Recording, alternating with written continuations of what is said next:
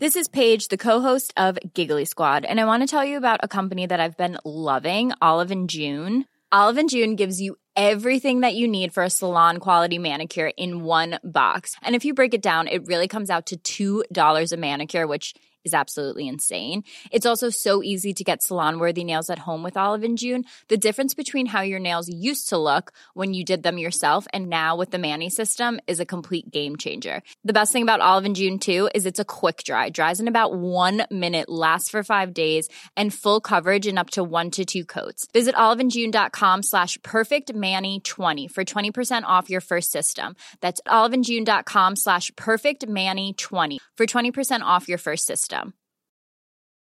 Wow. Nice. Yeah.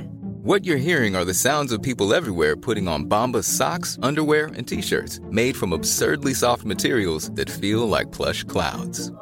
Yeah, that plush. And the best part? For every item you purchase, Bombas donates another to someone facing homelessness. Bombas. Big comfort for everyone. Go to bombas.com slash ACAST and use code ACAST for 20% off your first purchase. That's bombas.com slash ACAST. Code ACAST. Many of us have those stubborn pounds that seem impossible to lose, no matter how good we eat or how hard we work out. My solution is PlushCare. PlushCare is a leading telehealth provider with doctors who are there for you day and night to partner with you in your weight loss journey. They can prescribe FDA-approved weight loss medications like Wagovi and Zepbound for those who qualify. Plus, they accept most insurance plans. To get started, visit plushcare.com slash weight loss. That's plushcare.com slash weight loss. Polisspåret del 11 Buss 43 Fortsättningen Sveriges statsminister Olof Palme är död. 90 000. Ja, det är mord på Sveavägen. Hörde de säger att det är Palme som är skjuten. Mordvapnet med säkerhet är en Smith Wesson, en revolver kaliber .357. Inte ett svar. Finns inte ett svar. För jag har inget. Och jag har inte varit Varför skulle jag Polisen söker en man i 35 till 40-årsåldern med mörkt hår och lång mörk rock. Hej, jag heter Dan Hörning. Det är jag som gör podden Palmemordet. Jag gör även en hel del andra poddar, till exempel Seriemördarpodden, Massmördarpodden och Fan of History som handlar om antik historia. Jag har gjort det här på heltid sedan 2015. Det har inte alltid varit helt lätt. 2018 var ett bra år men nu har Patreon för den här podden börjat gå lite neråt. Så jag vill gärna påpeka att om ni tycker om Palmemordet, om ni vill att den här podden ska fortsätta komma varje vecka tills vi är klara, överväg att gå in på patreon.com palmemordet och donera en summa per avsnitt. Det är ett ömsesidigt avtal. Så gör jag inga avsnitt så kommer ni inte heller att betala några pengar. Men vi är fullständigt beroende av era donationer för att kunna göra den här podden. Så tack för att ni sponsrar och nu ska vi tillbaka till buss 43. Det är en absolut förutsättning för att lyssna på avsnittet att ni har lyssnat på avsnitt 152 av den här podcasten Polisspåret del 10 som alltså handlade om buss 43 och vi är mitt i Lars Krantz berättelse som alltså har kommit ut i och med att den ingår i handlingarna från Göteborgs tingsrätt avseende då stämningen mot tidningarna som publicerade namn på poliser och anklagelser mot dessa poliser. Det sista jag sa i avsnitt 152 var ett citat från Lars Krantz. Det är uppenbart att Holmer skyddar polisman D och att Jan S handlar på hans uppdrag. Lars Krantz berättelse fortsätter den 14 april. Så nu citerar Lars Krantz då långa skrivelse om sina upplevelser. Efter flera dagars efterforskningar hittar jag paret på bussen. Det var en Mats T som åkte med tillsammans med sin flickvän. Han kom väl ihåg att vi hade mötts i trappan och han vet också berätta att bussen var försenad uppskattningsvis fem minuter när han och hans flickvän gick på vid Skeppsbron. Däremot gjorde han inga iakttagelser av det slag som jag hade gjort på Birger Lars Krantz fortsätter med den 15 april och det är förstås 1986 då. Ringer till Jan S och berättar om Mats T. Han säger sig bli mycket tacksam. Han får Mats T's telefonnummer. Nu ska han inte mera lyckas få mig av den bussen den 16 april. Jag kollar att Jan S verkligen har tagit kontakt med Mats T. Han har uppsökt honom på bankgirot han jobbar. Flickvännen är svårare att nå eftersom hon bor i London. Nästa inlägg är den 22 april. Jag ringer upp Leif P på Brå och frågar varför ingenting händer. Han säger att han talat med en i spaningsledningen och jag förstår att det är Hans Holmer som uppgivit att polisman D har absolut vattentätt alibi. Jag undrar varför inte Jan S har sagt det till mig då. Det kan du ge dig fan på att han inte gör, säger Leif P och jag förstår ingenting. Men han säger när jag berättar om jag kommit fram till och visat att jag med just denna bussen att han tror att jag har sett en person som kan vara mördaren. Och det är av stort intresse även om man inte är polisman D. Äntligen en vettig ståndpunkt. Men polisen är helt ointresserad. Leif P säger att han ska ringa Jan S den 2 maj. Denna fredag är jag ledig och jag beslutar mig för att lösa mysteriet med bussföraren. Jag kliver på 43 vid min port för att åka till Södergaraget. Vid ratten sitter den bussförare som jag träffade hos polisen och som jag nu vet heter Peter L. Jag ändrar mina planer och åker med honom till andra änden av staden, till Tanto. Han lägger inte märke till mig under resan. Vid ändhållplatsen börjar jag tala med honom och kallar honom för Peter. Jag frågar om han känner igen mig. Jo, efter en stund verkar det som att han gör det. Jag visar honom en lapp där hans data står. Han blir mäkta förvånad. Jag frågar vad han tyckte om Olof Palme för att få igång ett samtal. Han var kontroversiell, säger Peter. Men man behövde inte skjuta honom för den skull. Jag tror alltså till att börja med att han bytt tjänsten med någon annan. Men det står ganska klart efter en stund att det verkligen var han som körde min buss. Han har varit och klippt håret nästa dag den första mars och anlagt ny frisyr. Snyggat upp mig, som han sa. Jag åker med honom till Slussen där han ska fika i personalmatsalen under en 40 minuters rast. Och vi talas vid då. Jag fortsätter sedan med honom nästa tur till Tanto och därefter till andra änden vid Ingmarsgatan. Under hans uppehåll springer jag upp och hämtar tidskriften 399. Han får se på de små bilderna och säger att det nog stämmer. Jag åker med till Jarlaplan där jag byter till 54 för att åka till mitt jobb. På kvällen kommer Peter L hem till mig och vi har ytterligare några timmars samtal och vi kommer fram till följande. När jag berättar för Peter att jag börjat gå norrut från Karl XIIs torg men fått se bussen och sprungit tillbaka erinrar han sig detta. Det kom en springande och han släppte på honom. Jo, det stämmer. Han vill dock inte gå med på att han var sen. Men han har inga egentliga stöd för sina tidsangivelser annat än vid ändstationen då han kalibrerade. Han kom till Ingmarsgatan vid Roslagstull klockan 23.30. Går man baklänges så som jag föreslog hos polisen stämmer mina tidsangivelser ganska exakt. Han minns inte något utryckningsfordon på Stureplan men det kan han ha missat. Han stannade inte vid Engelbrektsplan men vid Eriksbergsgatan stannade han för avstigning. Just som han ska köra ser han två män stående vid varsin framdörr. De har inte stått vid hållplatsen när han körde in. De måste ha stått och tryckt i portnischen. Han öppnar den bakre framdörren och den första, en lång ljus man med bryggarfrack, kliver på och går leende mot honom vid disken. Han visar sitt busskort.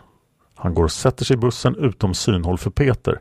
Den andra står kvar på fotsteget. Det är han som jag har känt igen som polisman D. Peter ser honom i profil och han använder precis samma ord om honom som jag använt när jag talat mina, med mina kamrater. En enorm utstrålning. För mig var den så kraftig att jag såg mig en i bussen efteråt för att tala med andra om fenomenet. Men de andra passagerarna hade ingenting märkt. För Peter är sinnesbilden den att han såg denna profil, en man som stod och såg framåt ner i golvet. Jag hade också lagt märke till att han inte såg på Peter eller på någon annan i bussen. Han verkade oerhört koncentrerad. Det var adrenalinet, säger Peter. Näsvingarna gick på honom och möjligen dolde han en andfåddhet. Den ljuse däremot var klart andfådd och hade blossande kinder. Trots kylan var öronen dock vita. Varför Peter gissar att han haft mössa på sig. Peter lade inte märke till några glasögon på polisman D. Däremot verkade det som om håret vid sidorna var tillplattat, vilket möjligen hade skett med glasögonbyglarna. Kraniet var tillplattat, sa Peter. Mannen yttrade inte ett ord. Peter kunde inte säga hur länge han stått på fotsteget. Han märkte inte heller att han klev av. Han hade inte visat något färdbevis. När det var klart att köra stängde Peter dörrarna och körde iväg. Peter måste ha missat att han hoppade av, säger han. Den andra mannen åkte med bussen till Surbrunnsgatan. När Peter L åkt sin sista tur tillbaka in mot staden som utgick från Roslagstull klockan 23.35 stod mannen vid hållplatsen Surbrunnsgatan och väntade. Han åkte med inåt centrum men var inte med i Gamla stan. Peter L uppgav att han trodde att anledningen till att den mörke tvekade åka med bussen var att han kände igen honom och var rädd för att Peter L skulle se honom. Tio dagar senare kom Peter L nämligen på att mannen hade gått på bussen mot centrum tidigare på kvällen, antingen 21.40 eller 22.39 vid Eriksbergsplan. Det var då Palme satt på bion, sa Peter. Då hade den mörke ingen utstrålning. Han kom lufsande fram till hållplatsen och han hade sin turkosfärgade mörka jacka halvlång lantlig på sig och sin lilla ljusa handbag som Peter L beskriver som ljusblå. Han följde med honom neråt centrum, kanske till Stureplan. Polisman Ds täckjacka som han har i hovrätten är turkosfärgad. Peter L berättade att han mött den mörke mannen en gång till senare. Citat, det var samma dag som Holmers fru blev överfallen på Drottninggatan. Slut citat. Då kom mannen på bussen, 53an vid Odenplan och satte sig och stirrade på Peter. Han följde med ända till ändhållplatsen vid Roslagsgatan, gick sedan av och gick gatan söderut utan att vända sig om en enda gång. Peter L uppfattade det som att han tagit reda på när Peter hade sin tur åkt med bussen för att skrämma honom, vilket han också lyckades med. Peter tillade i signalementet på det mörka att han hade ett citat jävla underbett. Peter Lövgren funderade redan på lördagen 1 mars över om det inte fanns något samband mellan mordet och hans iakttagelser. Han ringde till polisen för att kolla klockslaget för mordet. De uppgav att det var klockan 23.21 och undrade om det var något mer han ville, om han hade något att berätta. Men han lät sig nöja sig med detta. På söndagen den 2 mars besökte han brottsplatsen och provsprang den sträcka som mördaren kunde ha tagit. Han uppmätte tiden uppför trapporna vid Tunnelgatan till Malmskillnadsgatan till 20 sekunder. Som gammal sprinterlöpare kunde han förflytta sig snabbt, vilket även polisman D kan. Han menar att mördaren nog inte sprungit till höger och David, Bagares, David Bagares gata ner eftersom där går en del folk utan till vänster snett över kyrkogården vid Johannes kyrka och sedan trapporna ner för Jutas backe som mynnar i Birger precis där hållplatsen Eriksbergsgatan är belägen. Han tillryggalade sträckan på mellan två och tre minuter.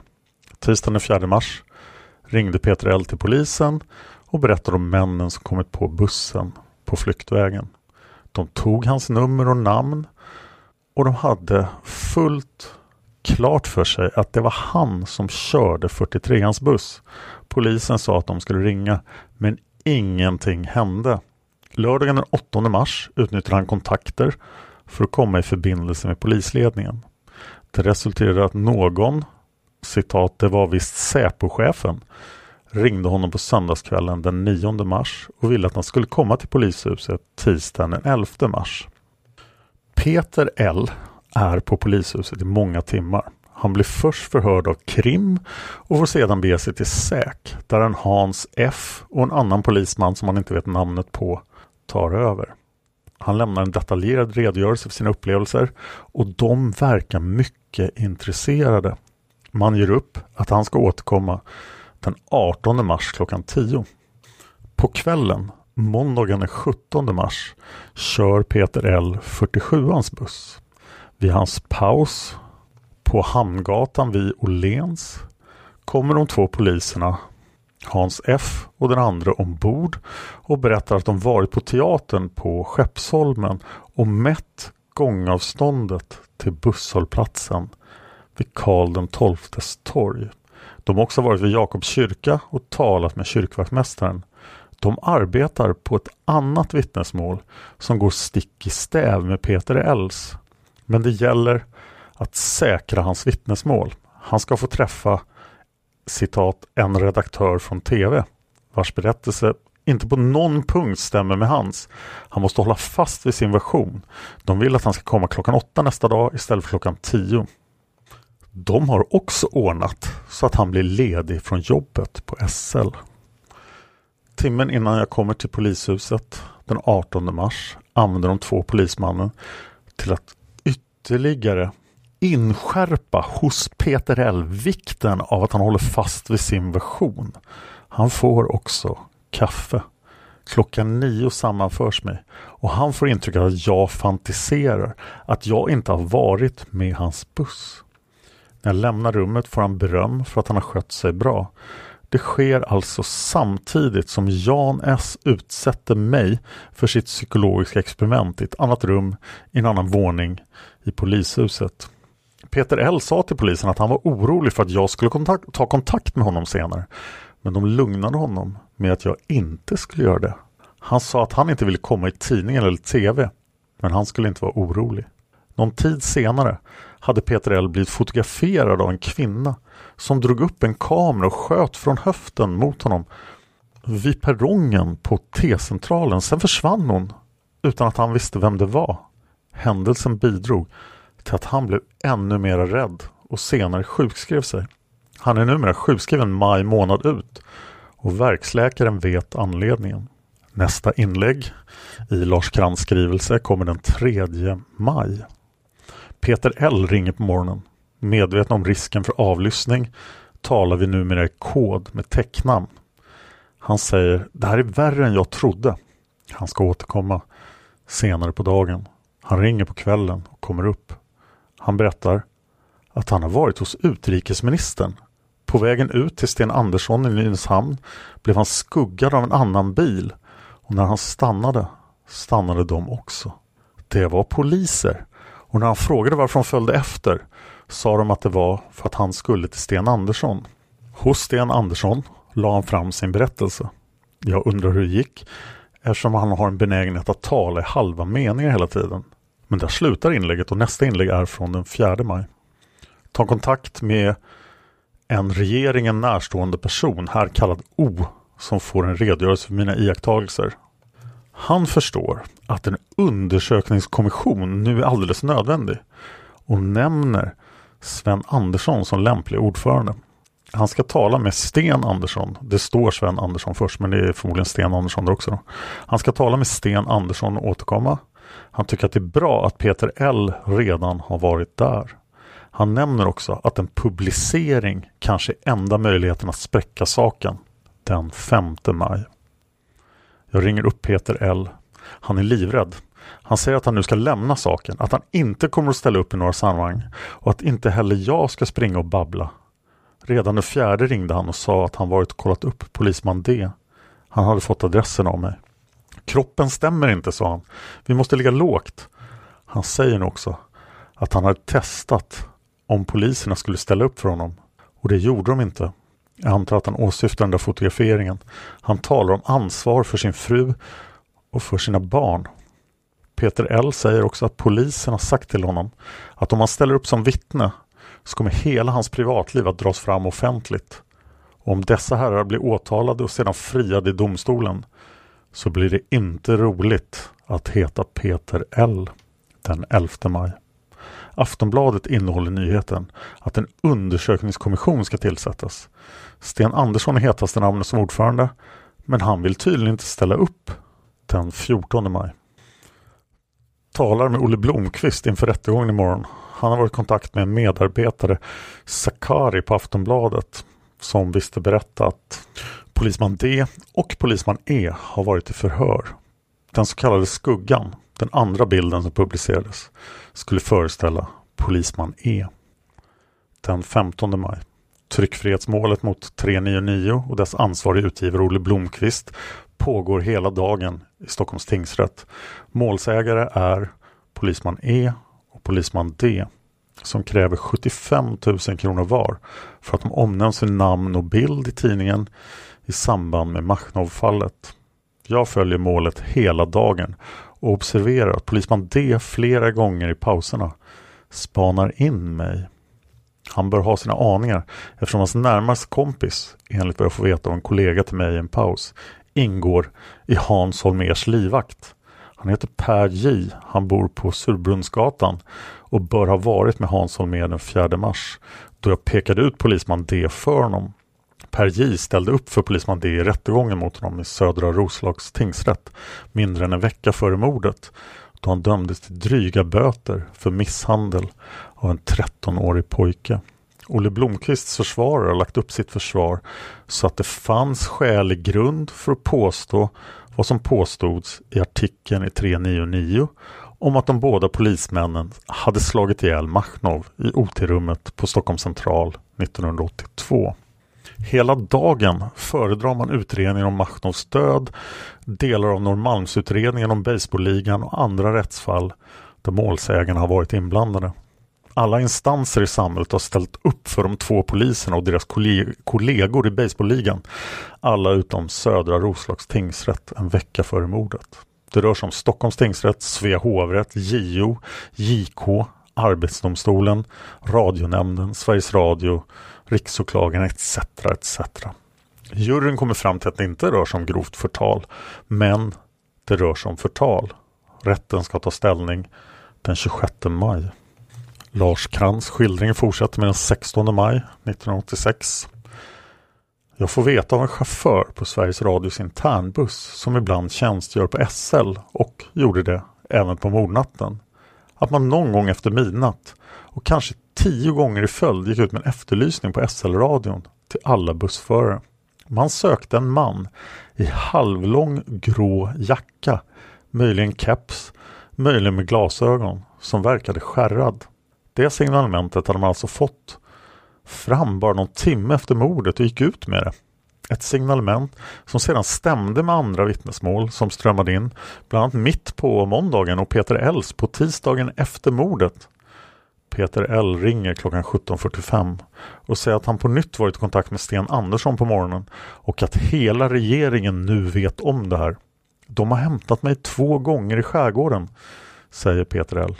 Polisen, det är nu Hans F och hans kollega det gäller, har sagt till Peter L att han måste säga till mig att jag måste tiga. De vet att vi var i samma buss och de arbetar på polisman D nu. De visste redan på söndagen den 2 mars att det var han. Den 18 maj. Göteborgstidningen innehåller intervju med den nya åklagaren Claes Seime, överåklagare, som säger sig vara gammal polare till Hans Holmer. Vi har samma personkemi, säger han. Seime är ungkar. Peter L ringer från Blidö. Han berättar att polisen är medvetna om att de citat burit sig illa åt mot dig. De ska låta höra av sig. Han har upplyst om att jag är bussig och ärlig. De har sagt att det gick snett från början beroende på att eh, Holmer var förbannad på mig från min tid som kriminalreporter. Det här var på 50-talet. Jag har ingen som helst minne av att jag någonsin haft att göra med Hans Holmer. Det är ganska anmärkningsvärt om gripandet eller icke-gripandet av Olof Palmes mördare ska hänga på personliga preferenser. Hur som helst bekräftar Peter Ls uppgift att Jan S har fått Hans Holmers uppdrag att få mitt vittnesmål ur bilden. Nu arbetar man emellertid på polisman D. Den 22 maj. Jag ringer till Jan S och begär kopior på protokoll från hans förhör med mig. Han ska undersöka, men säger att det inte går om de ska användas för publicering. Han ska ringa nästa dag. Han ringer efter en stund och ber mig komma till polishuset nästa dag klockan tio. Han undrar om jag har lite tid till förfogande så för han vill prata med mig. Domen mot Olle Blomqvist avkunnas redan nu. Han fick 50 gånger 20 dagsböter samt ett skadestånd på 5 000 kronor till var och en av polismännen. En kollega som varit i kontakt med Peter L rapporterar att han nu verkar mycket förvirrad och rädd. Undersökningskommissionen utsedd. Den 23 maj. Jag uppsöker Jan S på polishuset i sällskap med kollega Sven T som jag vill ha med mig som vittne eftersom jag inte en gång till vill utsätta mig för Jan S psykologiska experiment. Jan S vägrar och undrar varför. Han skulle lämna protokoll. Jag säger att jag kan ta emot dem i korridoren. Då viftar han åt oss att komma med. I hans tjänsterum får jag protokollen. Han upprepar att han inte kan tala med mig i vittnets närvaro. Jag vidhåller att han ska vara med. Det blir inget samtal. På bordet har Jan S dukat upp kaffet och kakorna som i den första föreställningen. Han hade tydligen tänkt sig att det skulle gå en gång till. När jag senare på dagen ringer och gör några rättelser i protokollet säger Jan S att han hade tänkt fråga några saker men det får väl bli senare. Och den här redogörelsen slutar alltså den 23 maj. Men Lars Krantz gör en sammanfattning och här kommer den.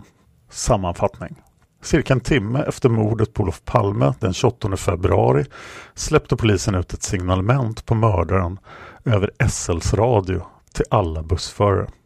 Den 3 mars får polisen vid två tillfällen uppgifter av undertecknad om en person på flyktvägen vars signalement stämmer med det man sände ut över SL. Jag uppmanar dem bägge gångerna att söka en viss bussförare. Den 4 mars hör bussföraren självmant av sig och berättar om två män som han har sett på bussen. På kvällen får spaningsledaren, länspolismästare Hansson mer personligen av mig upplysningen att en av de här männen Ready to pop the question? The jewelers at BlueNile.com have got sparkle down to a science with beautiful lab-grown diamonds worthy of your most brilliant moments. Their lab-grown diamonds are independently graded and guaranteed identical to natural diamonds, and they're ready to ship to your door. Go to BlueNile.com and use promo code LISTEN to get $50 off your purchase of $500 or more. That's code LISTEN at BlueNile.com for $50 off. BlueNile.com code LISTEN. Ryan Reynolds here from Mint Mobile. With the price of just about everything going up during inflation, we thought we'd bring our prices down. So to help us, we brought in a reverse auctioneer, which is apparently a thing. Mint Mobile unlimited premium wireless. Ready to get 30, 30, bit to get 30, bit to get 20, 20, 20, bit to get 20, 20, bit to get 15, 15, 15, 15 just 15 bucks a month. So, Give it a try at mintmobile.com/switch. slash $45 up front for 3 months plus taxes and fees. Promo rate for new customers for limited time. Unlimited more than 40 gigabytes per month slows. Full terms at mintmobile.com. There's never been a faster or easier way to start your weight loss journey than with PlushCare. PlushCare accepts most insurance plans and gives you online access to board-certified physicians who can prescribe FDA-approved weight loss medications like Wigovi and Zepbound for those who qualify. Take charge of your health and speak with a board-certified physician about a weight loss plan that's right for you. Get started today at plushcare.com slash weight loss. That's plushcare.com slash weight loss. plushcare.com slash weight loss. Sannolikt är polisman D. Den 5 mars får kriminalpolisen en detaljerad redogörelse för mina iakttagelser och jag uppmanar dem att söka bussföraren. Den 11 mars lämnar bussföraren och jag varandra ovetande detaljerade redogörelser för våra iakttagelser vid förhör i polishuset. Jag vidhåller att den man jag har sett sannolikt var polisman D. Den 18 mars sammanför gruppen som leds av Jan S, mig och bussföraren. Gruppen vet då att vi har sett samma man men den får bussföraren att tro att jag inte har varit med bussen och mig att tro att han inte har kört bussen. Därefter får de oss båda att tro att vi avförs från utredningen. Först den 2 maj när jag lyckas spåra bussföraren och kommer i kontakt med honom får han och jag klart för oss att vi har sett samme man. Vi är båda lika frågande när det gäller spaningsarbetet. Stockholm den 27 maj 1986 Lars Krantz Ingmarsgatan 3A. Det finns också sex bilagor. Det är fyra förhörsprotokoll, ett brev till kriminalinspektör Jan S från den 16 mars och en teckning samt ett liknande brev från den 27 mars. Förhören bilaga 1 till 4 är från den 11 mars, 18 mars, 7 april och 15 april. Jag kommer inte i detalj att gå igenom de här förhören här men jag kommer att se till att de publiceras på mopparkivet om det går senast eh, innan sommaren.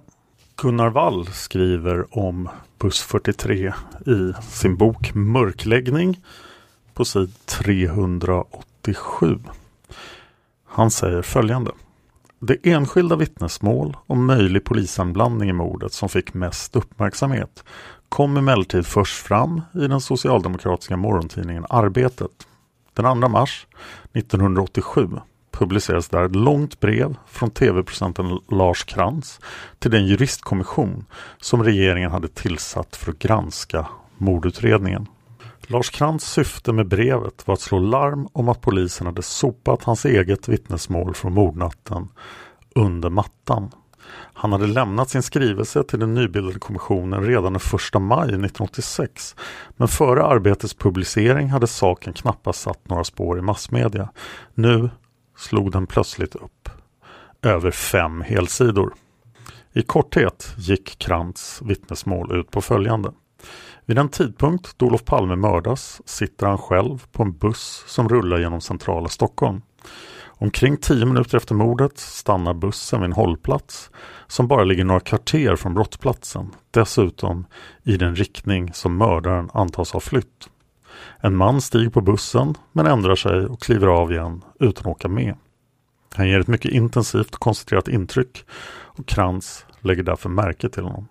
När tv-producenten senare får reda på såväl att Palme är mördad som omständigheterna kring dådet börjar misstänka att han kan ha sett den flyende gärningsmannen. Han kontaktar Palmespanarna som dock inte visar sig intresserade. I samma veva får han av sin son, som är journalist på Expressen, höra talas om ett anonymt tips till tidningen. En man har ringt och påstått sig vara polisbefäl från södra Dalarna men med personlig erfarenhet från Norrmalmspolisen, VD1 i Stockholm. Och Den här mannen menar då att det är baseballligan som ligger bakom, jag hoppar lite i mörkläggning. Just när Krantz fick höra talas om tipset i Expressen var baseballligan aktuell igen. Det pågick nämligen ett förtalsmål i hovrätten med anknytning till dess verksamhet. Två av de poliser som ingått i gruppen hade i ett tv-program anklagats för slagit ihjäl en missbrukare. Jag hoppar lite igen. Med bakgrund av vad sonen berättat blir Lars Krantz nyfiken på baseballligan och beger sig till Svea hovrätt. När han kommer in i rättssalen tycker han sig känna igen den ena av poliserna som den mystiska individen på bussen.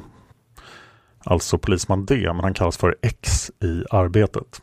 Nu blir Lars Krantz ivrig. Han söker personligen upp Hans Holmér för att berätta om polisman D men blir bryskt avvisad. Krantz ger sig inte. Till slut tar tipset om hand av en kriminalinspektör på Säpo. Att det hamnar där beror på att Hans Holmér har gett PGNS i uppgift att låta sin personal utreda misstankar mot polismän. Rätt snabbt får Lars Krantz klart för sig att Säpo också undersöker vittnesuppgifter från den bussförare som körde just den här turen. Denna har, utan att Krantz varit i kontakt med honom, vänt sig till polisen. Även det vittnesmålet har kopplats över till Säpo. Krantz och bussföraren har gjort sina iakttagelser i samma hållplats men deras vittnesmål skiljer sig lite. Bussföraren vill minnas att det är två män som klivit på bussen och att i alla fall en av dem har åkt med. Säpos utredare säger nu till Lars Krantz att han och förarens berättelser skiljer sig så mycket att de inte kan ha varit på samma buss.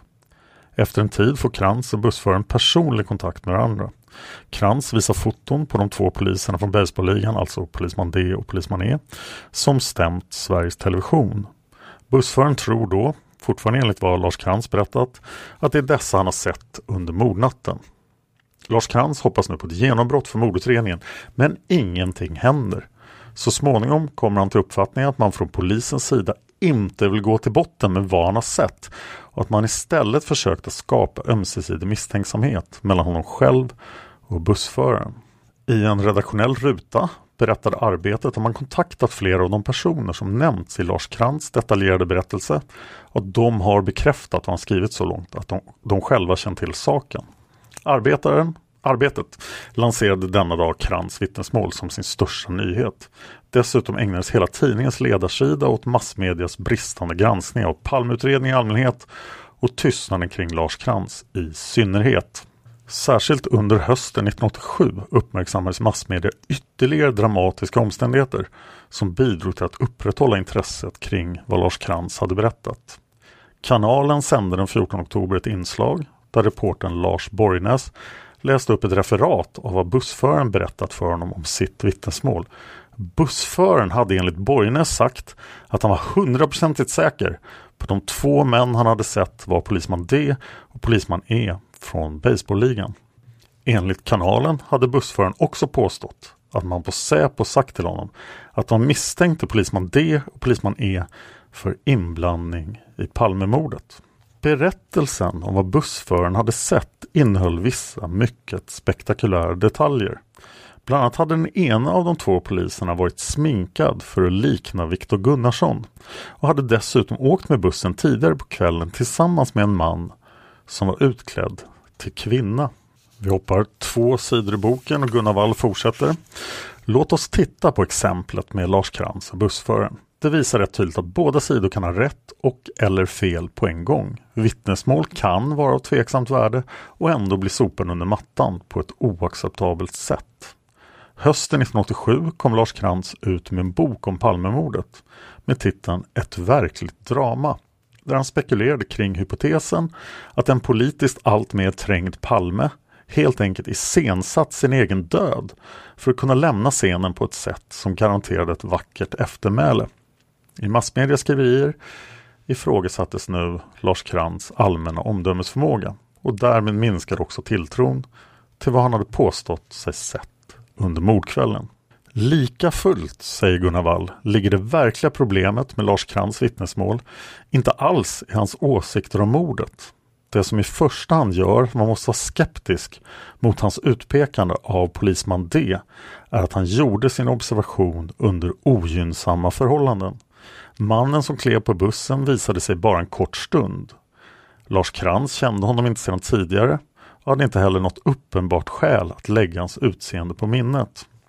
När Krantz senare såg polisman D i Svea hovrätt och tyckte sig känna igen mannen från bussen hade han redan hört ryktet att baseballligan kunde vara inblandad i mordet. Han hade till och med sökt sig till hovrätten just för att han var nyfiken på de två poliser från gruppen som skulle vara där och han visste att just dessa två i ett tv-program hade anklagats för att ha slagit ihjäl en människa. Han var med andra ord laddad med förväntningar. Det är inte minst i situationer av den typen som minnet kan spela vittnen ett spratt. Med bussföraren är det mer komplicerat eftersom det inte är klart vad han faktiskt såg. Våren 1989 var han kallad som vittne i tryckfrihetsmålet om polisspåret mot tidningen Proletären i Göteborg. I mycket upprörda ordalag anklagade han då både Krantz och kanalen för att ha ljugit om vad han skulle ha sett. Han förnekade bestämt att han skulle ha pekat ut några poliser och förklarade att han i själva verket inte alls lagt märke till något uppseendeväckande under sin busstur. Varför han ändå kort tid efter mordet kontaktat Palmeutredningen lyckades han inte förklara för rätten. I själva verket väckte hans attityd i vittnesbåset så mycket misstro att rättens ordförande kände sig tvungen att påminna om att han talade under ed. Det fanns en bakgrund till bussförarens framträdande som inte var känd för rätten. Några månader tidigare hade han i ett brev till Rikspolisstyrelsen krävt att få den belöning som skulle delas ut till den som gav avgörande tips om mordet. I brevet hävdade han att han gjort det och förklarade samtidigt att han lovade hålla tyst med vad han visste eftersom citat ett offentliggörande av alla detaljer skulle skada det dyraste och finaste Sverige äger. Slutcitat. Endast om polis och åklagare valde att låta fallet gå till rättegång och han kallades att vittna skulle han tala. Belöningen, som hösten 1987 hade höjts till 50 miljoner kronor, ville han helst ha utbetalad i D-mark och schweizerfranc på en namngiven bank i Genève. Rikspolisstyrelsen avslog snabbt hans begäran med några formella fraser om att det inte förelåg förutsättningar att betala ut några pengar. Bussföraren överklagade direkt till regeringen och väntade fortfarande på besked därifrån när han vittnade i Göteborg. Det var alltså mot den bakgrunden han bagatelliserade vad han hade varit med om. Och då frågar Gunnar Wall den stora frågan. Hur mycket var då Krantz och bussförarens vittnestips värda? Kanske inget alls. Det är oklart vad bussföraren egentligen sett och Lars Krantz kan alldeles uppenbart ha tagit fel på person. Säpos utredare gjorde det emellertid ganska lätt för sig. Först hördes polisman D och denne försäkrade att han befunnit sig i hemmet med sin fästmö. Och någon dag senare hördes fästmön som bekräftade hans uppgifter. Om Säpo verkligen hade velat kontrollera saken kunde man ha anordnat samtidiga förhör med polismannen och fästmön för att se om de i detalj skulle ha berättat samma sak. En inte alls ovanlig metod i brottsutredningar. Och dessutom, även om man utgick från att Lars Krantz hade pekat ut fel person, återstod fortfarande en sak att klara ut. Vad var det egentligen som hade hänt vid busshållplatsen och som gjorde att två vittnen, oberoende av varandra, kontaktade polisen? Om det hade att göra med mördarens flykt var det av första rangs betydelse i mordutredningen, oavsett om det var poliser inblandade eller inte. Jörgen Almblad gjorde sin första mer omfattande offentliga kommentarer om polisspåret i en stor intervju i Dagens Nyheter den 7 november 87. I artikeln hette det att de andra passagerarna i bussen hörts av Palmeutredarna och att de inte hade lagt märke till någon mystisk man.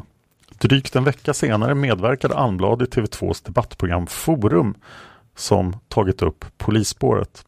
En annan av debattdeltagarna, författaren Sven ner passade då på att dra fram att de som reste med bussen varken efterlyst eller hörts med undantag för en granne till Lars Krantz som denne själv tipsade polisen om.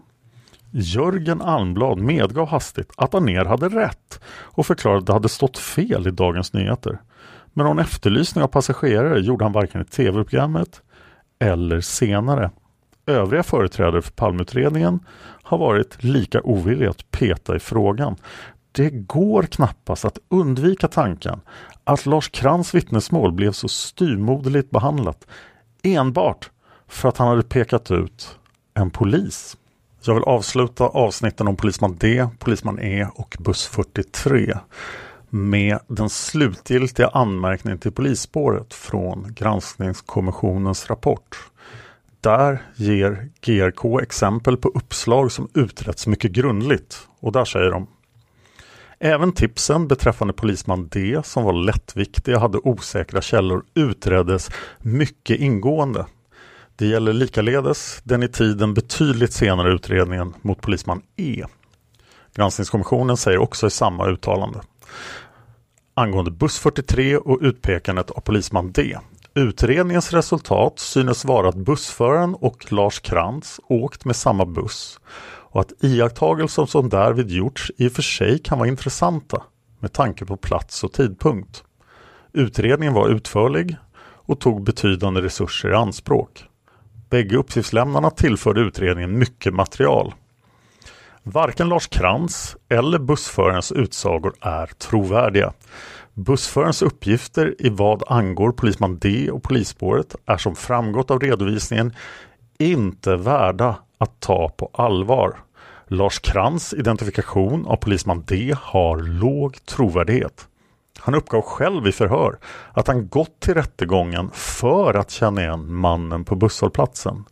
Polisman D har dessutom ett visst alibi genom de uppgifter hans sambo lämnat. Hans egna uppgifter om vad han gjorde morddagen stöds av vad vittnet Å uppgivit. Men framförallt saknas alltså anledning att fästa avseende vid de påståenden som gjorts om honom i ursprungstipsen. Uppslaget kan därför avföras som ointressant för såväl mordutredningen som polisspåret. I övrigt är följande värt att notera från utredningen av detta uppslag åtskilliga utredningsåtgärder har inriktats mer på att spräcka uppgiftslämnarnas tips än på att kontrollera dem. Det kan i och för sig tyckas bakvänt, men kontroll av ingångsuppgifters hållfasthet är nödvändig och kan visa sig vara effektiv från resurssynpunkt. Det gäller dock knappast helt och hållet i det här fallet. Försöken att spräcka Lars Krantz berättelse genom att söka bevis att han inte har varit på den plats han uppgett och att han inte har åkt med den buss han påstått och så vidare var resultatlösa och ledde bara till resursslöseri vid en tidpunkt i utredningsarbetet våren 1986 då resursprioritering var viktig. Med tanke på att Lars Krantz identifikation av polisman D saknade värde ter sig flera åtgärder onödiga. Läsaren kan få intrycket att utredningen i detta fall mer inriktades på uppgiftslämnaren än på uppgifterna och att skälet till det var att den utpekade var polis. Av intresse är en anteckning ett förhör med föraren av en annan buss med vilken utredarna ett tag synes ha trott att Lars Krantz åkte. Den busschauffören körde som framgått tidigare en senare tur mordkvällen. I ett andra förhör påpekar hon i en skriftlig anteckning att hon i ett tidigare förhör utsatts för påverkan. Hon säger, jag påpekar att tidigare förhör skett under viss påverkan och att det känns besvärande efteråt. Dels har förhörsledaren angett att han velat spräcka en annan persons vittnesmål och att det var därför jag blev kallad. Och dels kände jag mig styrd vad gäller min uppgift som en äldre passagerare i bussen. Minnesbilden är sann, den är korrekt återgiven i förhöret, men min känsla då och nu är att jag utsattes för påverkan. Förhörsledaren blev positiv i den minnesbilden och jag kan ha blivit stimulerad att koppla ihop minnet med just den bussturen. Men jag känner mig utsatt för påverkan och anser inte att förhöret var opartiskt genomfört. Och det känns inte för mig riktigt att under de omständigheterna gå ed på att så var fallet. Granskningskommissionen fortsätter. Det går att hysa en viss förståelse för att utredarna ville belägga svart på vitt att Lars Krantz utsaga var otillförlitlig, något de antagligen omgående bedömde vara fallet. Lars Krantz berättelse var dock i långa stycken alldeles korrekt. Som uppgiftslämnare blev han mot den bakgrunden något omilt behandlad. Till utredarnas försvar bör noteras att den som hörde bussföraren andra gången uppmanade henne att skriva ner de synpunkter hon hade på det första förhöret samt fogade dem till protokollet. Vittnet Jerkers utpekande av polisman D. Utredningen genomfördes på ett tillfredsställande sätt sedan den första dokumenterade kontakten i början av maj 1988. Det sena utpekandet av polisman D har låg trovärdighet. Sättet det skett på utgör i sig själv en indikation på bristande trovärdighet. När det gäller Kikki, som ju skulle kunna ge stadga åt Mauno Ls berättelse, pekar utredningen på att Mauno L inte velat eller kunnat bidra till att hon hördes. Angående polisman E. Utredningen genomfördes snabbt och grundligt. Något till mordet kopplat ingångstips finns inte i uppslaget, som istället gällt misstänkt politisk extremism och ett mer allmänt misstänkt innehav av radioutrustning. Mot den bakgrunden har det funnits skäl att intressera sig för uppgifterna. Med tanke på att polisman E's namn förekommit i diskussionen kring polisspåret och att han tillhört den så kallade baseballligan var det också naturligt att undersöka saken. Det bör noteras att fynden alltså gjorts långt efter mordet och att polisman E inte bodde i den aktuella lägenheten vid tiden för mordet. Även om det antas att iakttagelsen av radioutrustning med mera var korrekta är det med andra ord svårt att se på vilket sätt de kunde infogas i mordutredningen. Utredningen synes dessutom närmast tyda på att fastighetsägaren och fastighetsskötaren misstagit sig på utredningens, utrustningens karaktär. Det är främst uppgifterna från Max M, polisman E's egna reaktioner när han fick veta att det var folk i hans lägenhet och de uppgifter han lämnat i förhör som leder till den slutsatsen. Till det sagda kommer att polisman E har ett visst alibi i form av uppgifterna från den förra fästmön. Bevisvärdet i den husransakan som genomfördes en tid senare bedömer vi som mycket begränsat. Det kan sättas i fråga om det är meningsfullt eller ens lämpligt att på detta sätt erbjuda en presumtivt misstänkt en så kallad husrannsakan på vederbörandes egna villkor. Antingen föreligger ett utredningsbehov eller också gör det inte det.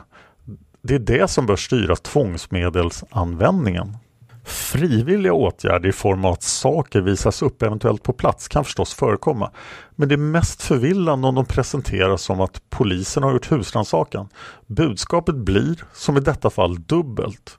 Å ena sidan får själva åtgärden husrannsakan tanken till jämförelsevis allvarliga brottsmisstankar.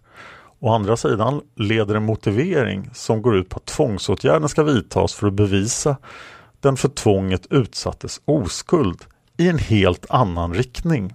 Den övervakning av polisman E som Säkerhetspolisen kom att genomföra var måhända inte olaglig men den stod inte i rimlig proportion till vad som hade framkommit. Det ter sig olustigt, tycker granskningskommissionen, att Säkerhetspolisen så lättvindigt satte igång den operationen. Än mer olustigt är det att Säkerhetspolisen illegalt med användande av falska identitetshandlingar och lika lättvindigt skaffade sig nyckel till polisman E's lägenhet och förberedde åtgärder i polisman E's hem.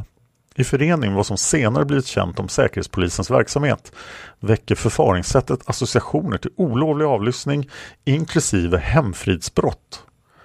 Bortsett från den självklarhet med vilken allt detta verkar ha iscensatts reser händelseförloppet frågor om polismaktens självständighet i förhållande till politiska beslutsfattare och opinionsmässigt tryck.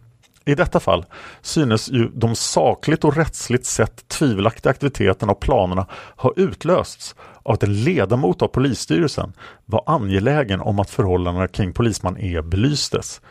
Slutsatsen blev att polisman E utsattes för en rättskränkning.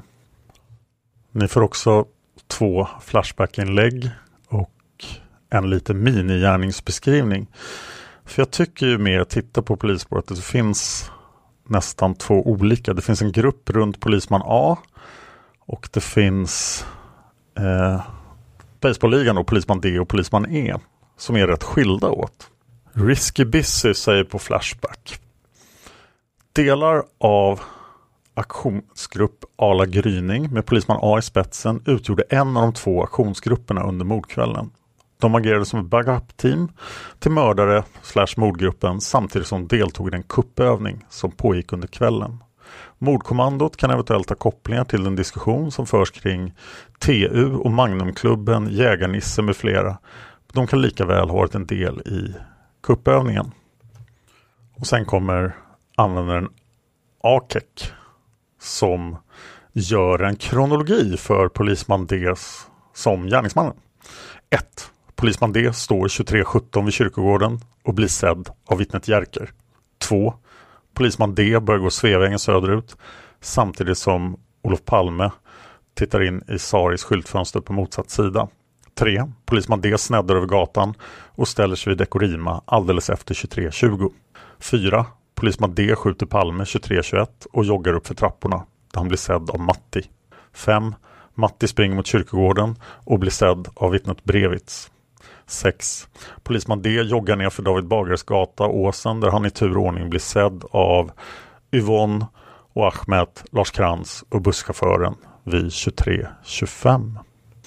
Palmemordet finns på Facebook. Där kan ni gärna gå in och likea och prata med mig och Tobias som sköter kommentarerna. Det är bara vi som ser eh, personliga meddelanden dit till eh, gruppen så där kan man kommunicera med oss.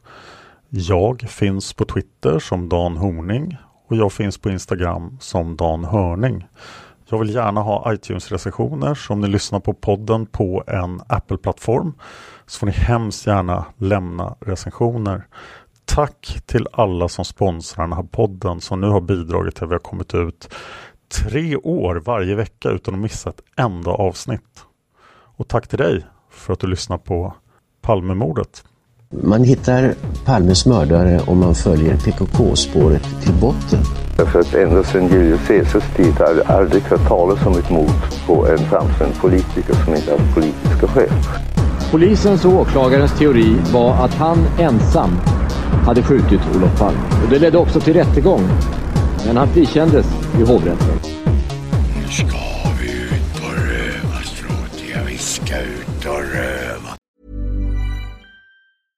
Imagine the softest sheets you've ever felt. Now imagine them getting even softer over time. That's what you'll feel with Bowl and Branch's organic cotton sheets. In a recent customer survey, 96% replied that Bowl and Branch sheets get softer with every wash. Start getting your best night's sleep in these sheets that get softer and softer for years to come. Try their sheets with a 30-night guarantee. Plus, get 15% off your first order at bowlandbranch.com. Code BUTTERY. Exclusions apply. See site for details.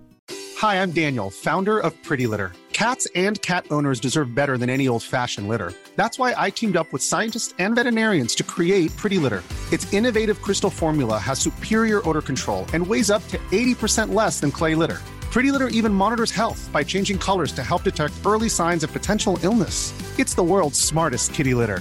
Go to prettylitter.com and use code ACAST for 20% off your first order and a free cat toy. Terms and conditions apply. See site for details. Planning for your next trip?